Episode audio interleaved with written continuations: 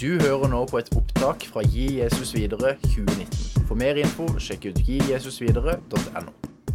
kunne forsvare troa. Jeg mener det Humanitisk Forbund har ofte angrepet oss kristne. Um, men at det er veldig lite spørsmål tilbake igjen. Og det, Der tror jeg vi må ha en oppvåkning, folkens. Rett og slett se at det ikke bare er vi som må forsvare det vi tror på. Ehm, men det store flertallet tror på en Gud. Likevel latterliggjøres de som tror. Vi kjenner på det. Jeg har kjent på det. Jeg har kjent på det i Federlandsvennen her på første sida. Fått konservativt syn. Har gren over det.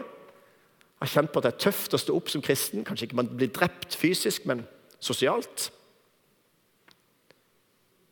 Men samtidig så Så eh, ja, Jeg kan ta en sånn liten sånn snutt på jeg har, hatt den med meg en del år når jeg har undervist i apologetikk. Eh, men jeg syns den, den, er ganske kul. da, Pondus. Jeg syns det er god humor. da. Jeg er ikke så veldig fan av pondus, men akkurat den er litt gøy. Her kommer det to ringer på på døra. God ettermiddag. I dag bringer vi deg et himmelsk budskap. Eh, spørsmål. Tror dere at Noah klarte å samle sammen alle verdens dyr og stue dem inn i en trebåt? Ja visst. Grei tilgang til kenguruer og varanøgler. Eh, for så vidt. Og Moses delte havet. Skurrer ikke litt? Nei, nei, nei. Alt ble skapt på en liten uke. Ja, Der omkring. Og jomfrufødsel. Skal vi ikke sette en 50-lapp på Josef? Nei, det, det har ikke humor, dere. Det var meg. Det er jo fantastisk. Og så sier han nei, kanskje dere har lest videre, ja, for nå kommer det. Nå skal du slutte å tenke på så mye på disse tingene. Ikke tenke. Det hjelper. Tro meg. ikke sant? Det hjelper, tro meg. ikke sant? Og så bare blir det sånn inn, sånn, Man får et inntrykk av at tro det oppfattes som et intellektuelt selvmord. Jeg er så lite intellektuell at jeg klarer ikke å si intellektuelt. Men i hvert fall, det oppfattes som et intellektuelt selvmord for mange. Salmebøkene står bak der. Fint om du plasserer hjernen også. Så tar med en salmebok, og så leverer du den salmeboka inn igjen og så tar med deg igjen når du går ut. Velkommen til kirke. Litt sånn flåsete sagt, men jeg tror det er noe i det. Så er det viktig for meg å si at vi må ikke kunne forsvare, vi må ikke kunne forstå kristen tro. Vi må ikke liksom få oversikt over alt. Det er veldig viktig å si. Det er veldig viktig å formidle til barn og unge at dette handler ikke om kunnskap. Dette handler om en relasjon. Dette handler om relasjon til en person, Jesus Kristus. Og Da syns jeg det er fint bilde å bruke. Dette med musikk. Er det noen her som eh, ikke kan en eneste note? Isak, hører du på musikk? Så, så, du nyter musikk til tross for at ikke du kan en eneste note? Oi. Altså, Bruk det som et eksempel på at man trenger ikke kunne forstå det, men man har en relasjon til Jesus. Bestemor aldri begynt å sette seg inn i det ondes problem. Hun bare tror. Helt topp. Røveren på korset han fikk ikke gjort så veldig mange gode gjerninger etter han på en måte så at Jesus var Guds sønn. Han fikk ikke forstått så mye hva kristen tro handler om. Det eneste han så, det var at Jesus han betydde forskjellen. Husk på meg når du kommer dit rike. Sannelig, i dag skal du være med meg til paradis. Kjempefint å kunne ta med seg. Um, så det er en fin ting å ta med. Så troen er en relasjon, men det er også sannhet. Og den sannheten føler jeg av og til at vi glemmer litt. Forstår meg rett. Vi ønsker å gi det ungdommene ønsker. Og Ungdommene ønsker erfaring om det funker. Opplevelser med Gud helt supert. Jeg tror kristen tro har masse opplevelser. Men vi må ikke bli en tilbyder på lik linje med alle andre. det var dødsbra. ikke sant? Du hørte litt om det også med lovsangen. Det, var, det ga meg utrolig mye. Hvem ga det mye? Vi skal jo være Gud. Nei, nei. Altså, hvis det på en måte er et fokus på at ja, jeg skal oppleve ikke sant, og så altså, jeg skal si deg en ting. Hvis Jesus betyr mye for deg, så er det flott. Men hvis ikke det er sant, så er det revnende likegyldig. Unnskyld at jeg sa det så direkte. Men hvis ikke det er sant, så er vi de latterligste av alle mennesker. Dette er ikke mine ord, det er Pauli ord. Paulus sier dette. At hvis ikke Kristus er oppstått, så er vår tro ingenting. så bruker han i 1. Korinter 15 og forteller at men nå er Kristus oppstått. Og Så argumenterer han og viser overbevisende, bl.a. ved å si at mer enn 500 brødre har sett Jesus på en gang. Av dem lever mange av de enda, skriver han i 1. Korinter 15. 20 sånn år etterpå det skjedde, kanskje. Underforstått, gå og snakk med dem. Undersøk. De så han jo. De gikk jo sammen med han. Eller de, de så den oppstandende Jesus. Eller broren til Jesus. Halvbroren. Som har, altså, jeg hadde fått ganske problemer med å tilbe min egen bror som Gud. Men jeg vet ikke hvordan dere har det i forhold til søskenkjærlighet. og sånt, men, men det er et eller annet der som skurrer. Og det gjorde det i starten òg. Du blir ikke profet i egen hjemby. Men vet du hvem som blir den største kirkelederen? Det er Jakob, som skriver Jakobs brev og som tilber sin egen bror som Gud. Det er overbevisende. Og Disse gode grunnene gjør at dette er sant. Det er mer sannsynlig at ikke disse ti av elleve disiplene som blir drept for sin tro Ja, det er mange som blir drept for sin tro. Nei, ikke hvis du har funnet det på sjøl. Jeg hadde ikke gått i døden for noe som hadde funnet på sjøl. I hvert fall ikke som den tiende eller ellevte. Altså, da hadde jeg sagt det var bare tull. Vi har ikke sett han. Så det handler egentlig bare om å si at er, det er mer sannsynlig at han sto opp på en måte da, enn at han ikke gjorde det. For hvorfor viste de ikke kroppen til Jesus? Og så Men nå skal ikke jeg gå inn, nå, nå bruker jeg, nå anvender jeg trosforsvar. Men jeg får på en måte prøve å, å vise at man kan eh, snakke også fornuftig inn i dette. Det er sannhet. Og jeg tror vi har gjort Kirka en bjørnetjeneste i denne perioden, Nå er det et helt annet fokus på trosforsvar. Men den perioden som ikke det var Det var postmoderne tid. Vi søker ikke sannhet, for den er jo relativ. Alt er like sant. Og som en av de største utfordringene vi har som kristne Alt er like sant, alt er like gyldig. Alt er like gyldig. I dag så kan du ikke si at noe er sant, for da er du intolerant. Det er sant. Du kan ikke si at noe er sant. For da hever du deg over de andre og sier at du har funnet sannheten. Og du er intolerant. Så ser man ikke ironien i dette med toleransens intoleranse. Så er toleranse blitt noe helt annet enn det var opprinnelig. At jeg er dypt uenig med deg, men jeg vil dø for at du skal kunne mene akkurat det du mener. For vi kan ikke tolerere hverandre hvis vi er enige. Da er vi enige. Vi må tolerere hverandre. Da er vi dypt uenige, og så har vi allikevel en toleranse. Jeg banker ikke Bibelen i hodet på noen, men jeg har en respekt for de andre ståsted. Og det er toleranse. Så Det er kjempespennende å lage en pod podkast med en psykolog som er ateist, eller har gått fra å være ateist til å være agnostiker. Etter at han begynte på alfakurs hos oss, så lager vi en podkast som heter 'Pastoren og psykologen'. Og så sier de vi snakker om, eh, om meninga med livet og sånn store spørsmål. Det er ikke sånn at jeg liksom sier at til dattera mi på 11 år Du, hør denne. For det kan skape tvil å høre på dyktige og retorisk gode eh, på den andre sida. Er det med? Men poenget er bare at jeg får lov til å komme inn på en arena som han inviterer meg inn på, som ikke hadde vært på hvis ikke. Og det syns jeg er utrolig fint. Når man da hører mennesker som, som eller det, når han skulle ha lansering vi hadde på puben her nede i byen, på Håndverkeren, så hadde vi, Det var tjåka fullt, det var 100 stykker som måtte gå. og Da var det meninga med livet. Og det han sa da sjøl, at han unner alle å få høre på en pastor med øla i handa. Det sa han sjøl. Og det var jo veldig hyggelig. Så fikk jeg lov til å snakke til mennesker der og få lov til å snakke om mening med livet. Folk er nysgjerrig, folk lengter etter Gud.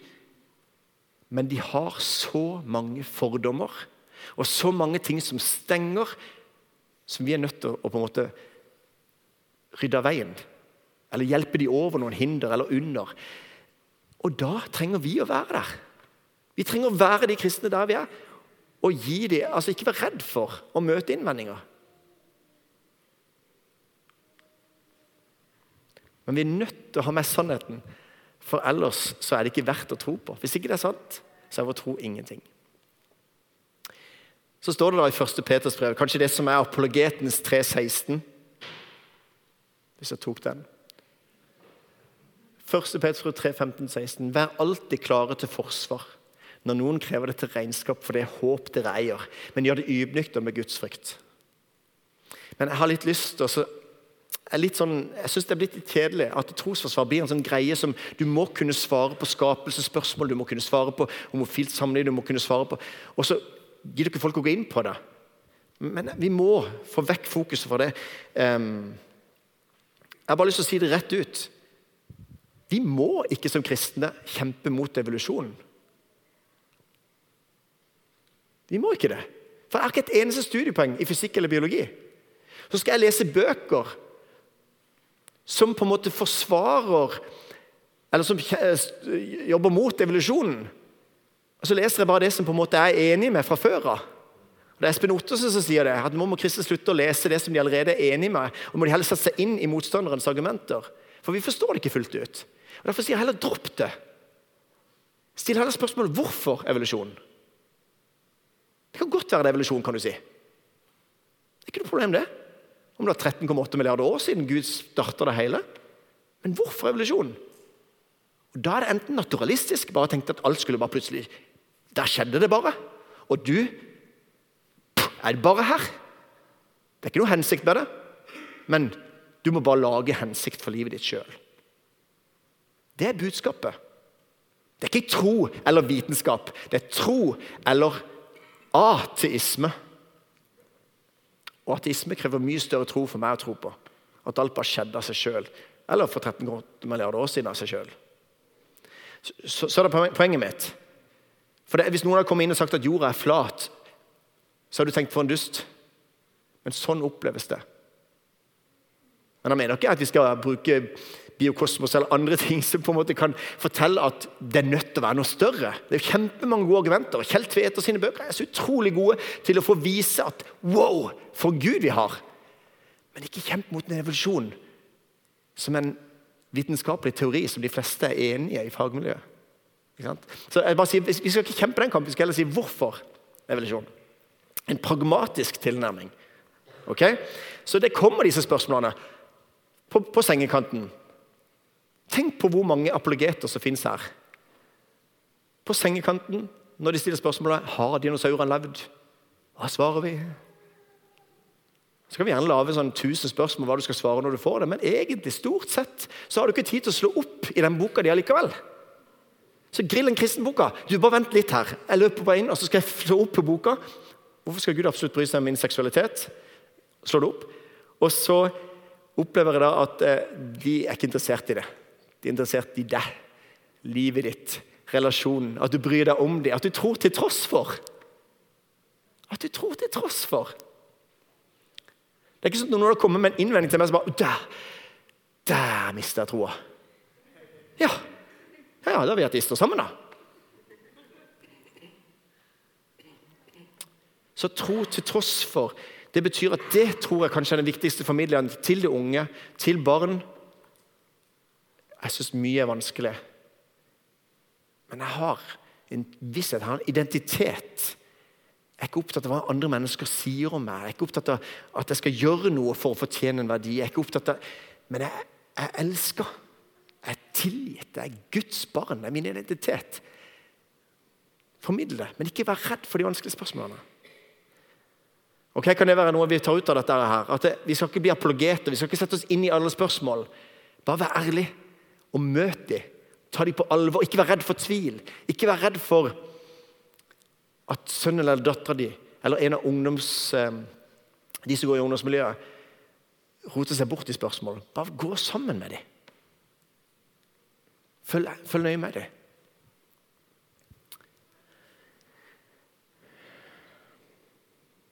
Ja, du, jeg må bare ta den tilbake igjen. Jeg har egentlig Det er ikke ofte jeg siterer 'en levende bok'. Kjenner den oversettelsen? 'En levende bok'.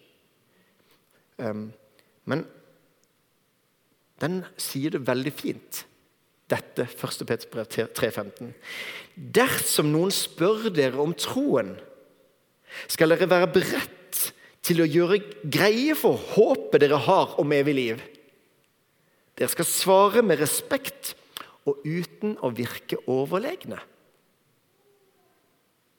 For Hvis det da handler om at jeg har et håp i meg, og det er helt naturlig at jeg kan kunne gi svar i møte med mennesker som er nysgjerrige og stiller spørsmål Men hvis det er sånn at jeg skal eh, forsvare troa mi, og når det er rettssak, jeg skal stille meg opp og eh, ikke sant?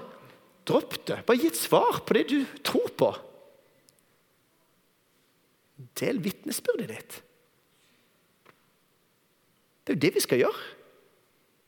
Vi vinner ikke mennesker med å argumentere dem inn i Guds rike. Men vi kan elske de inn i Guds rike. Og vi kan dele vitnesbyrdet vårt, som gjør at de De ser at det er liv, de ser at det er en relasjon. Ok. Så var det spørsmålet der Nei, der. Så at vi på en måte tar vekk det der fokuset fra å bevise at Gud fins. Det går ikke an å bevise at Gud fins. Det går ikke an å bevise at Gud ikke fins heller. Så vi må på en måte gå vekk fra en sånn tankegang. Men vi må se på sannsynlighet. Vi må på en måte se eh, alle ting åpne. Jeg må være åpen for at noen har en innvending mot min kristne tro som gjør at jeg forlater troa. Hvis ikke så blir jeg sneversynt. Så jeg må være åpen for at det fins noe som gjør at jeg forlater tro. Men da vil jo jeg være takknemlig. Så at jeg ikke kaster bort resten av livet mitt på noe som ikke er sant. Jeg tror det er sant. Jeg er overbevist om det. Ikke så overbevist om at jeg kan vise med to streker under svaret endelig svar, men så overbevist som jeg er når jeg går om bord på et fly. Jeg kan ikke vite at det kommer ned igjen. Jo, det vet jeg. Jeg vet at det kommer ned igjen. Men Men jeg kan ikke vite at det skal gå helt sikkert bra. Men det er gode, overveldende gode grunner til. Så det er ikke en blind tro. Og det er den jeg har lyst til at de skal få vekk. Det der at ja, men du bare velger å tro. Du kan ikke bare velge å tro. Du må tro fordi du er overbevist om at dette er troverdig. Troverdig.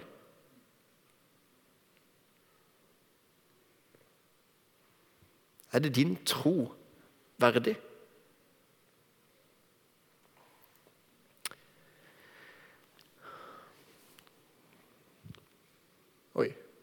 Gå fram med visdom blant den som står utenfor.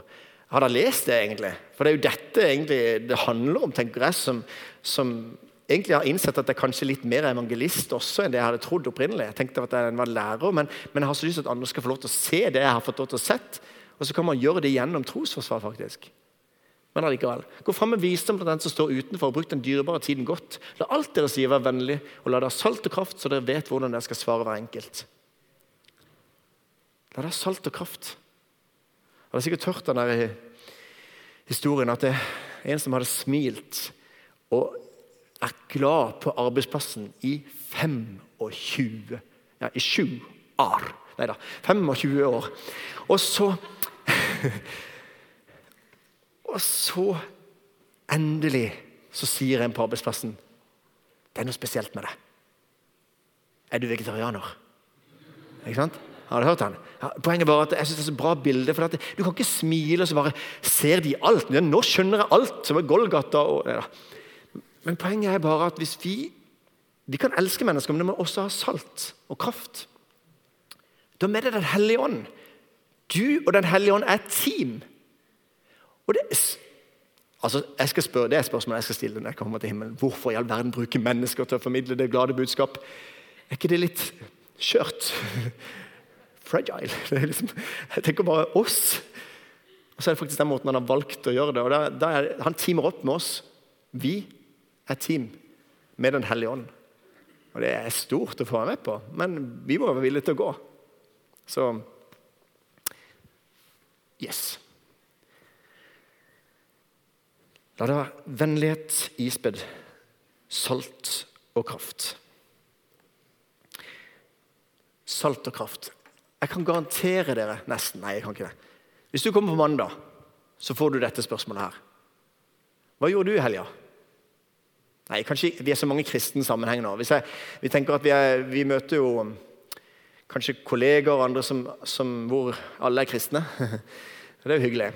Men hvis du på en måte er på en arbeidsplass hvor mennesker ikke er kristne, og du som er leder og som er på en arbeidsplass til vanlig, eller du som er frivillig, som er på en arbeidsplass til vanlig, hvor folk ikke er kristne. Så får du kanskje spørsmål òg hva gjorde du i helga. Og da kan du faktisk forberede deg. Vær alltid beredt til forsvar for det håp som bor i deg. Da kan du forberede deg, for det er såpass vanskelig å si disse tingene at vi blir sånn klamme. og. Vi får ikke sagt det jeg har lyst til å si, så du kan øve deg på det. Så det blir naturlig. Du kan liksom tenke «Eh, Hva gjorde du i helga? Nei, ikke noe spesielt. Det er jo det letteste. Og så kan du øve deg på å si Vet du noe, jeg var i Kristiansand. 1300 mennesker det var. Tjåka fullt. Venteliste. Ledere innenfor kristen sammenheng som ønsker å gi Jesus videre. Det var rått. Men du må øve deg på det. Men det var sykt bra å være der. Ikke sant? Ja vel, liksom, hvor kommer de fra? Fins det kristne i denne verden? Men se, da, kan dere forberede deg på Da kan forberede ungdommene til å si, Istedenfor å si hvor mye de drakk i helga, så kan du forberede dem på å si at det var dødsfett på fredag. Du må med se. Hvis du har øvd ti ganger med noen andre, så er det mye lettere å si det. Så da, da handler det om den salte. Ikke nødvendigvis har du tatt imot Jesus Kristus som din herre og frelser. Du trenger ikke begynne der. Du kan begynne med å si at det var magisk i Q42. Hva var magisk? Så får du oppfølgingsspørsmål. Du må ikke si alt med en gang. ikke sant? Du må øve deg på å holde litt tilbake igjen. For det kommer spørsmål. Da er det salt og kraft. ok? Jeg synes Magnus Malm har et sitat som ikke er blitt brukt i, um, i, apologetisk sammenheng. Han skrev det ikke egentlig inn i apologetisk sammenheng, men jeg synes det passer veldig godt der. Og Det ble også tatt med um, etter påpekte det på Apologetikkforum. Kanskje noen vet at det finnes et apologetikkforum på nett. Um, så ble det tatt inn i vårt land også, nettopp i forhold til dette. Forskjellen mellom, et mysterium og det absurde er at mysteriet går lenger enn fornuften, mens det absurde går mot fornuften. Ok, Vi trenger å vise. Ikke se lenger på det. ok?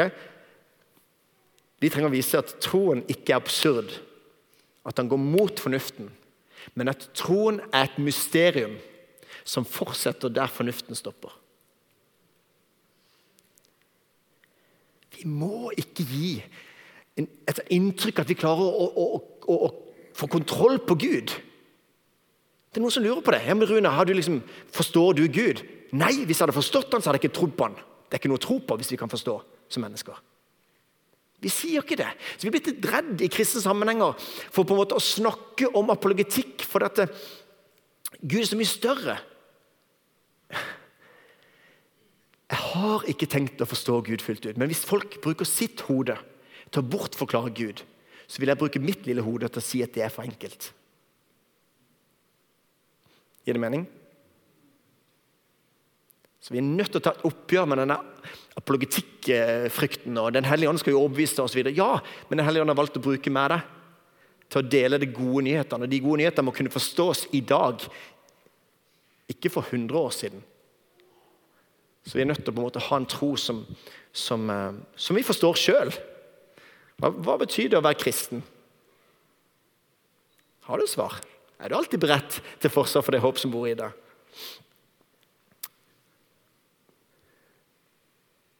Jeg har så lyst til at barn og unge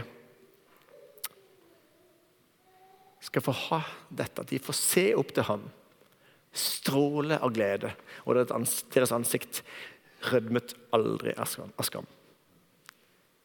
Eh, at de skal få lov til å kjenne på en frimodighet. Da mener jeg ikke en arroganse. For Noen ganger kan det av og til være fristende å innta en arroganse og gå i samme fella som motparten. Eller begynne å bli så kverulerende at du ender opp som ikke sant? Jeg syns Espen Ottesen er fantastisk, som vi har sett litt i media det siste.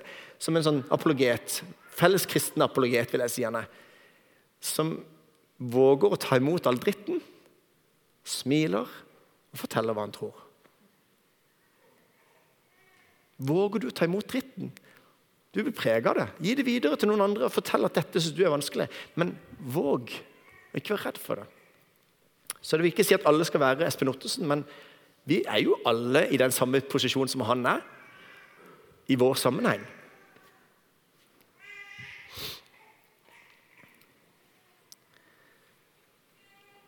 Um, til slutt, før vi tar noen spørsmål Vi må jo ha spørsmål når det er grillen pastor her. Jeg, jeg ser nok det nå, jeg var så engasjert nå at jeg gikk litt vekk fra manus. Jeg gjorde det. Men for, sorry. For, altså, det handler jo litt om dette med temaet med, med barn og unge osv. Jeg, jeg har så lyst til at vi skal på en måte la det være helt fra starten av. Det synes jeg Avana, som vi har begynt å bruke, tar veldig fint inn trosforsvar. Jeg syns f.eks. alfakurs, som, som, vi bruker i vår menighet, til gode, gamle alfakursene Men det er liksom tross alt 30 millioner som har tatt etter hvert nå. Og det er sykt bra produksjon på de nyeste videoene. Jeg må se det. Det var bare en liten sånn reklame for noe som ikke ja, For Guds rike.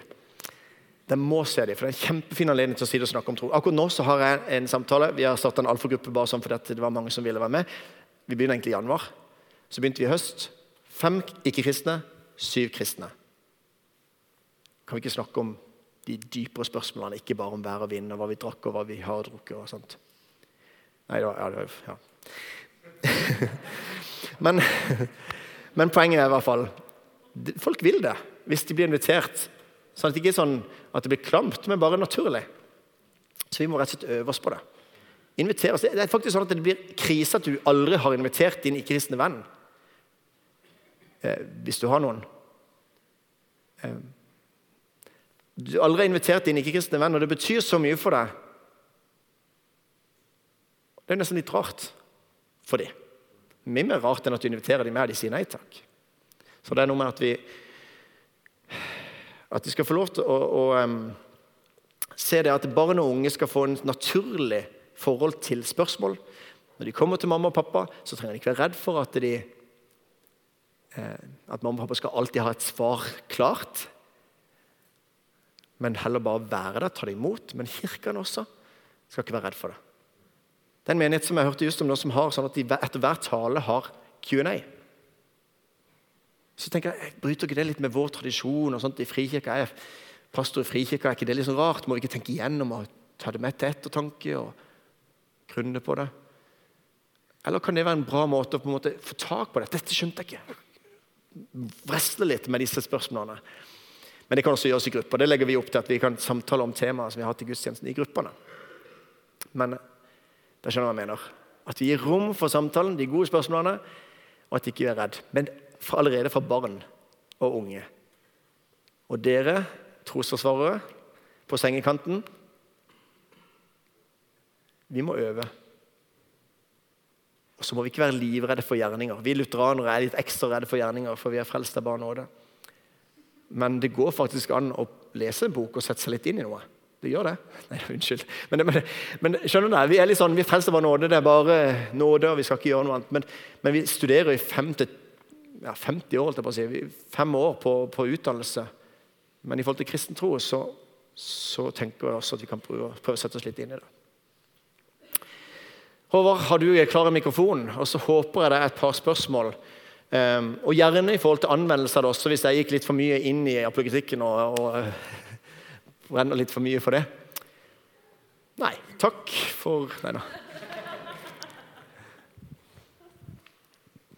Hej, øh, jeg hedder Johan, og tak for det rigtig gode seminar. Jeg skal bare lige spørge, øh, fordi øh, i forhold til børn og unge, tror du ikke, at der på et tidspunkt kommer, hvor, øh, hvor de spiller, eller hvor de stiller nogle spørgsmål om noget lidt mere sådan hard fact evidence, tænker jeg. Fordi øh, jeg ved ikke, om du kender en, der hedder James Warren Wallace i USA. Han, han blev kristen netop, fordi han fandt sådan, han havde brug for at få det evidentielle i det, for at han ligesom kunne blive overbevist. Mm. Jeg siger ikke, at man kan totalt øh, bevise, at Gud eksisterer, men øh, øh, en ting er, at man har den gode relation, som du siger, og mm. hvor man møder dem jo, men, men jeg tænker bare, at der er bare også mange unge, der blir talt fra for å bli kristne i dag. De blir talt ut av det også jo.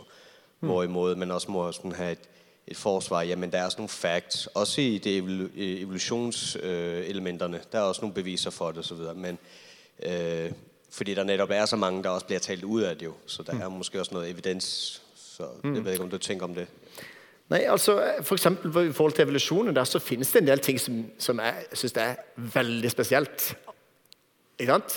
Men poenget er bare at hvis jeg bruker min energi til å finne bevis for at det ikke kan stemme at evolusjonen er, så, så opplever jeg at da bruker jeg energien feil. Og så opplever jeg at jeg kan ikke nok allikevel. Da blir vi på en måte underdogs Istedenfor at hvis vi går over på ikke hvordan-spørsmål, for det er vitenskapen som gir svar på. Hvordan. Bibelen gir svar på hvorfor og hvem. Så hvis vi kan konsentrere oss om det, så vil også en som er hardnakka darwinist, må kunne stille spørsmål ja, men hva er det første årsak, da? Den som starta det hele. Det kan du gå over på. Og da, da, har ikke Stephen Hawkings for eksempel, han har ikke noe svar i møte med dette. For Han sier bare at det, det var ingenting, det var et vakuum. Altså, men hva er det? Altså, det, det er definisjon på vakuum. Men det må være noe som, det må ha vært noe som er stort nok til å kunne romme den begynnelsen. Og Det kan vi på en måte vise og argumentere for uten å gå inn spesifikt på evolusjon. For Ellers så kjemper vi på, og så føler folk at vi er helt duster. Og som tror at vi må tro at det var seks dagers skapelse altså, Augustin på 300-tallet etter Kristus De tenkte på den, gangen, den tida også. Han, han, sier det, at det er nødt til å være en metafor at Gud skapte på seks dager. For hvis Gud er allmektig, så ville han ikke brukt så lang tid. Er det med? Da bruker jeg et argument for å si at å jeg er tenkt på dette før. Det er ikke sånn at vi er så idioter at vi bare sier at det står sånn. Men jeg mener når jeg leser skapsberetninga, så, så, gir ikke den den gjør ikke krav på Selv om jeg er en konservativ kristen som leser Bibelen som Guds ord, så gjør ikke den krav på i sin sjanger å bli oppfatta som at sånn skjedde det. Men hvis du leser John Lennox, som snakker om nettopp disse syv dagene som deler en hel verden i kristen sammenheng, så våger han å si det at faktisk så kan du da ut fra et evolusjonsperspektiv lese som at det er stadier. Ikke sant? Og du kan lese seks tider eller seks dager. Samme det hva du tror. Men hvorfor er vi her?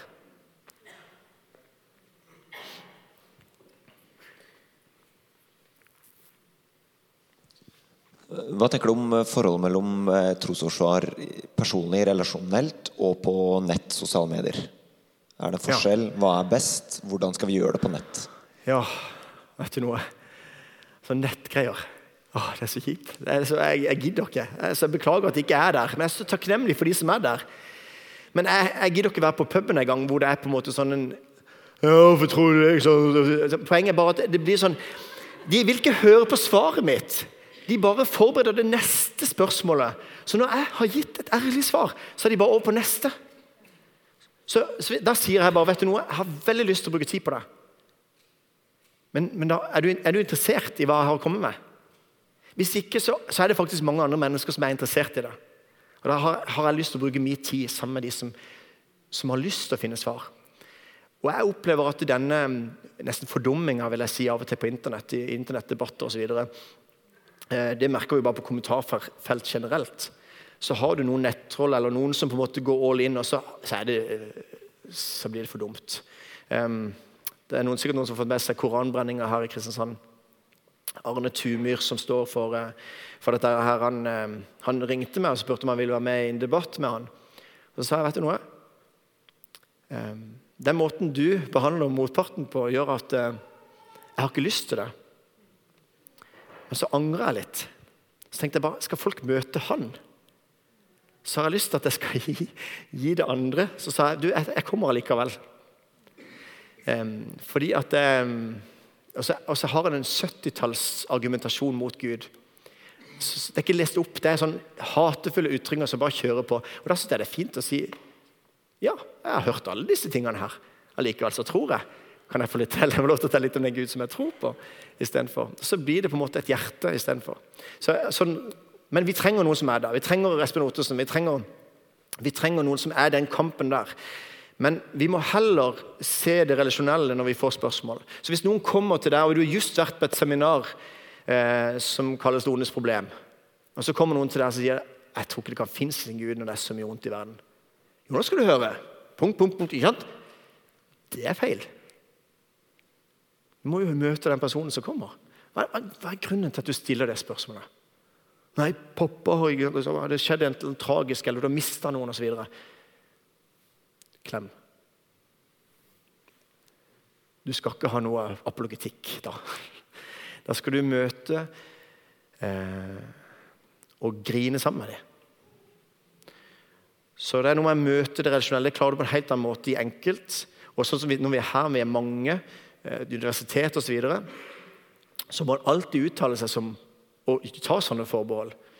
Eh, og faktisk En av de sånn, fine tilbakemeldingene som vi fikk nå på Universitetet i Agder, det var i forhold til dette her vanskelige spørsmålet. For det, nå er det, nå prater jeg litt utover det spørsmålet, men det er veldig mange som kommer med spørsmål som har med hvordan kristne forholder seg til homofilt samlevende. Og, og sier gjerne ting som ikke er riktig, med at det er dømmer eller andre ting. Og Da må vi arrestere det. Det er en ting. Men man må alltid uttale seg med respekt, og at det er alltid noen til stede. Um, så det er når det kommer en bifil etterpå og så takker for eh, at man gjorde det på en respektfull måte, og at hun kunne forstå mitt ståsted, og skjønte det, da sier jeg tusen takk. Det er det fineste. ikke sant? Så det handler ikke om at hun ble enig. Og Det var en kurlant som holdt på å kjøre på dette spørsmålet i tolv minutter. der. Men det som skjedde var at alle, og det var litt morsomt å se, erfare at han kjørte videre, men alle rundt opplevde jo at det er jo han som er intolerant. Det er jo han som ikke mener at jeg kan stå for et annet syn. Og så kom det liksom litt fram uten at jeg trengte å si det. Og, og, og det kan være på en måte, Da skal vi ikke sånn henge han ut for det, men i respekt på en måte også kunne få fram eh, ja, vårt eget ståsted. Nå sa jeg litt mer, men, eh, men relasjonelt er kjempeviktig. Og så ber vi takke Gud for de som er der på Internett. Var det ett spørsmål til eller to? Løp. Vi må bruke tida godt. Bruk den dyrebare tiden godt. Hei. Jeg har et spørsmål. Jeg har mye mm, med tweeners på søndagsskolen. Og et spørsmål som er interessant, er jo da, som jeg også stilte de, hva eh, gjelder Big Bang og opphavet til hvordan egentlig jorda og alt har kommet til. Og eh, da svarer egentlig alle i klasserommet og alle klassevenner ja, men det er jo Big Bang. Og eh, det har egentlig de da slått seg til ro med sikkert da, på det tidspunktet de lever i som tweeners. Og de som er kristne, de har på en måte ikke noe mer de kan si, men egentlig så jeg har lyst til å høre litt, hva, hva ville du ha sagt til de tvinersene på søndagsskolen når det kommer opp? Nå, nå, fikk jeg ikke helt med det ene, men virker det som da at, at, du svarte at du ikke legger det opp i om det, om det, hvordan det skjedde, eller sier du at Nei, det ikke, så, ikke, er Big Bang? Så jeg har jo jeg har jo mer hjulpet til å tenke dypere inn på det som ligger før Big Bang. Det, ja. Ja, men jeg vil gjerne høre litt hva du ville sagt. Nei, nå følte jeg da jeg måtte gjenta litt av det som jeg sa. Men jeg, poenget mitt er at, at, vi må stille spørsmål om hvorfor. Og at Bibelen da skal formidle hvorfor. Jeg kan gjerne bruke et bilde med bløtkaka. Eh, Hvis du forsker på ei bløtkake, så kan du finne ufattelig mye ut om den bløtkaka når den står foran deg hvilke ingredienser som er i den, hvilken temperatur han ble skapt på, eller lagd på. Eh, du kan finne ufattelig mye ut av bløtkaka ved å forske på den. Men hvorfor kaka ble lagd, og hvem som lagde henne, det får du ikke informasjon om ved å forske på skaperverket. Da gis det en spesiell åpenbaring inn, hvor det står 'til dåpsbarnet', hilsen tante Gudrun da blir på en måte forklaringa hvem som er Sånn mener jeg at den spesielle åpenbaringen er Bibelen. Den naturlige åpenbaringen finner vi bare ved å forske på universet. Vi får mange religioner for alle ser at det er nødt til å være noe større. Men vi trenger den spesielle åpenbaringen som forteller hvem er du, Gud. Vi trenger at Gud blir kjøtt og tar bolig blant oss, sånn at vi snakker samme språk som oss, så at vi kan se hvem Gud er. Så Kanskje et bilde med bløtkake og fortelle litt om det. Og, og si at vitenskapen, Vi trenger, vi heier på vitenskapen. Det er fantastisk med med illustrert vitenskap eller andre ting. ikke sant? Eller professoren som er på møtene og bare sier hva ufattelig sånn fint eh, ting er skapt, selv om det er noe som er stygt og ekkelt òg. Men det er, det er, del det. En nysgjerrighet i forhold til dette med vitenskap. Men, men hvorfor? spørsmålet. Da er vi over på livssyn, og det er det vi løfter fram. Så ikke ta det så heavy, men bare si at jeg tror at Gud har villet skape oss, ønske oss. Ja. Jeg følte jeg brukte for lang tid. Tid til et, et kort uh, spørsmål. Kort svar. Lykke til, Håvard. Jeg har mikrofonen sjøl.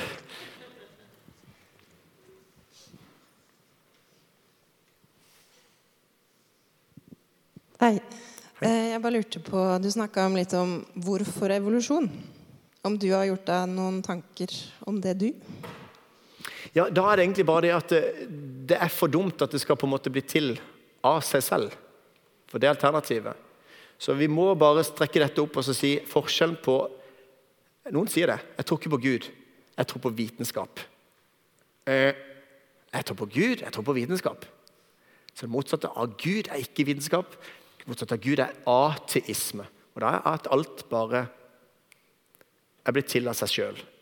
For meg så krever det større tro. Så derfor tenker jeg bare liksom, Før revolusjonen så er hvorfor da tenker jeg at Gud har et ønske og et, en plan. Han ønsker å skape en selvstendig verden. Han kunne skapt oss noen nikkedukker, men en selvstendig verden som er skapende, sånn som Gud sjøl. Vi er skapt i hans bilde. Så vi er skapende vesener som på en måte har også blitt gitt muligheten til å gjøre vondt. For frie viljer kan velge å såre hverandre. Og Da syns jeg det gir mening at Gud sier du kan velge mellom meg og meg. Det er ikke noe valg. Men Gud sier mellom meg og ikke meg. Da må du trekke deg vekk fra et område og Hvis Gud trekker seg vekk fra et område, så betyr det at det kommer inn en slange i Edens hage. Da betyr det at, blir, at Gud tillater Satan å komme og ta ting vekk fra jobb i Jobbs bok. Gud har tillatt det onde fordi at han trekker seg vekk i et område. Og der hvor Gud ikke er, det må være et helvete. Fravær av Gud. Så på en måte, vi er bildet, Det er hensikten at vi er her. Derfor så starta Gud det hele, og så har det vært en utvikling. Og så får vi lov til å se Jobbs bok slutter sånn på den måten her om Er du villig dette er, jo, dette er vårt liv. Er du villig til å tro på Gud til tross for om alt gikk deg imot? Jobb gjør det. Jeg ønsker å gjøre det. Tusen takk for meg.